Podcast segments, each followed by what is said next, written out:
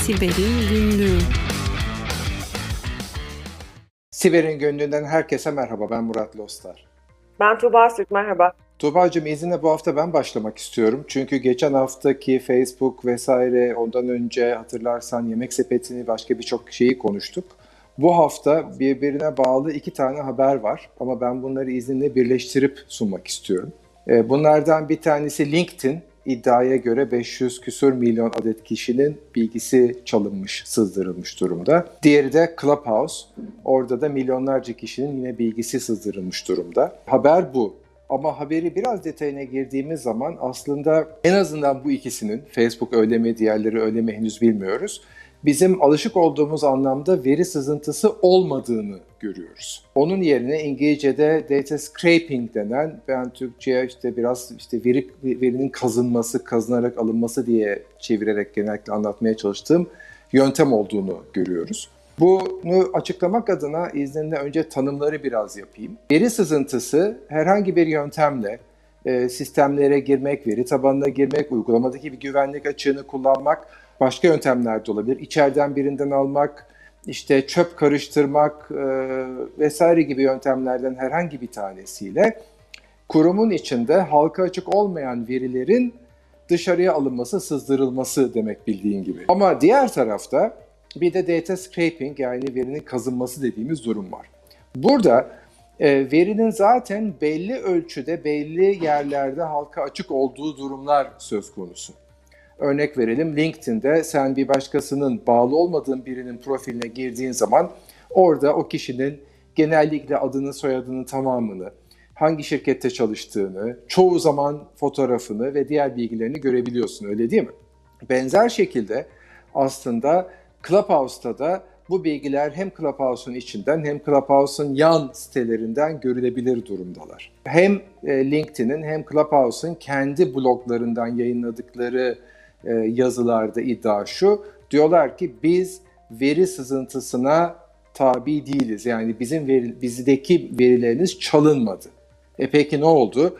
Bizdeki verileriniz bizim kullanım politikamızda uygun bir şekilde halka açık haldeydi. Normalde bir kişi, üç kişi, beş kişi her birey bakabilir durumdaydı.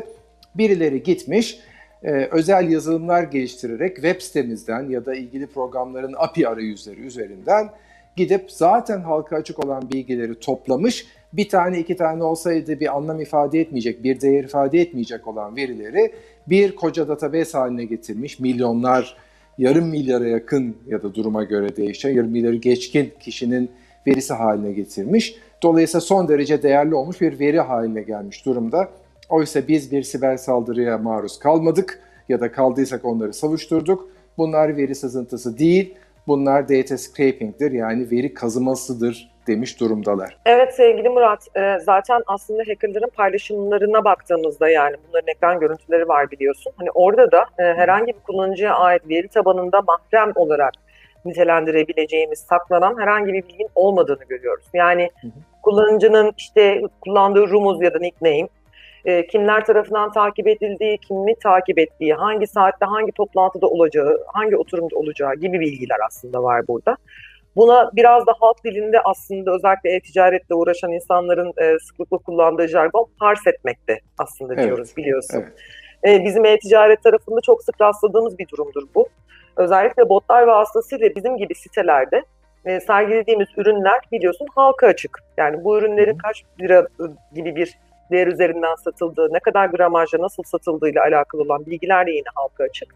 Ama işte e, bu botlar vasıtasıyla bu bilgileri toplu halde yani bir nevi katalog e, bilgisini download edecek şekilde e, topluyorlar. Ve hatta bununla alakalı daha gelişmiş e, botlar da var. Onlar da şunu yapıyor sevgili Murat.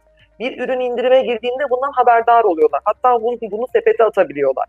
E, sonra da işte söz konusu kişiye haberdar edebiliyorlar. Özellikle elektronik perakende de çok sık yaşadığımız bir husus.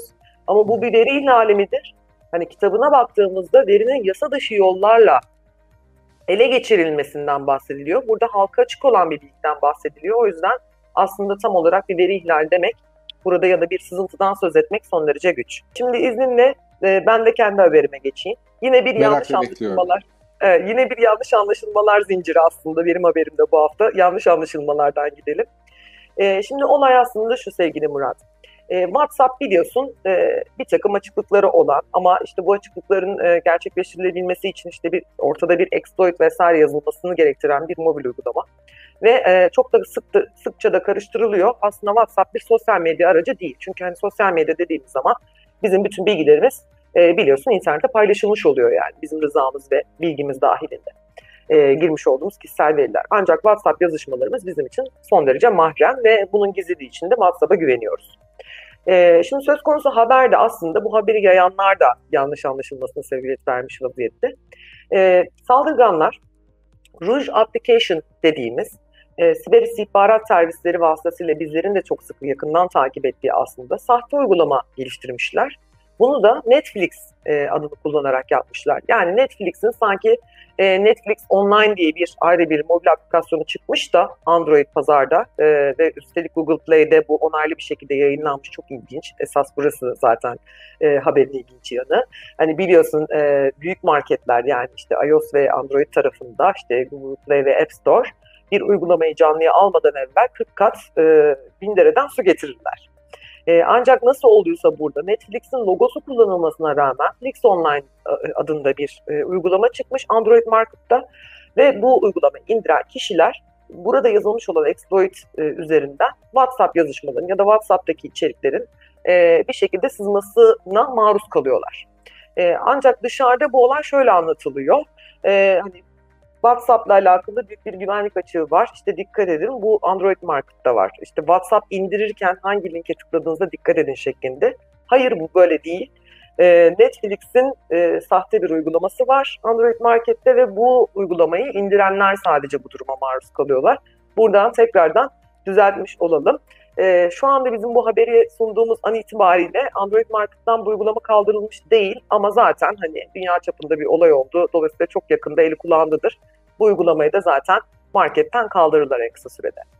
Evet Tuba çok güzel. Ee, ben bunu başka bir açıdan da değerlendiriyorum. Biliyorsun e, Android ve e, iOS arasında yani Google ve Apple arasında e, mobil cepheyi ilgilendiren ciddi bir ticari e, yarış var. Hatta deyim yerindeyse savaş var. Orada da e, herkes belli köşeleri kapmış durumda. Android en esnek olmayı, en uygun olmayı, e, en ucuz olmayı, e, çok farklı platformları desteklemeyi öne çıkartırken Apple ise e, mahremiyet konusuna en çok özen gösteren, gizlilik ve güvenlik konusunda en, en çok özen gösteren kurum olmayı öne çıkartmış durumda tüketiciler önünde. Ve yine bu e, Apple'a galiba bir koz verdi. Çünkü Apple şimdi önümüzdeki günlerde ya kendisi yüksek olasılıkla da kendisi üzerinden değil, böyle internette yönlendirebileceği fikir önderleri üzerinden bakın işte e, Android'in mağazasında işte e, Netflix isimli bir program çıktı. Netflix'in bile değil. İşte buna dikkat edilmiyor. Oysa Apple kullananlar bu saldırının kurbanı değiller, olmayacaklar. Dolayısıyla Apple daha güvenli e, konulu bir takım yazılar, makaleler, videolar göreceğimizi düşünüyorum. Önümüzdeki günlerde ben özellikle gözümü bu konuda açık tutacağım.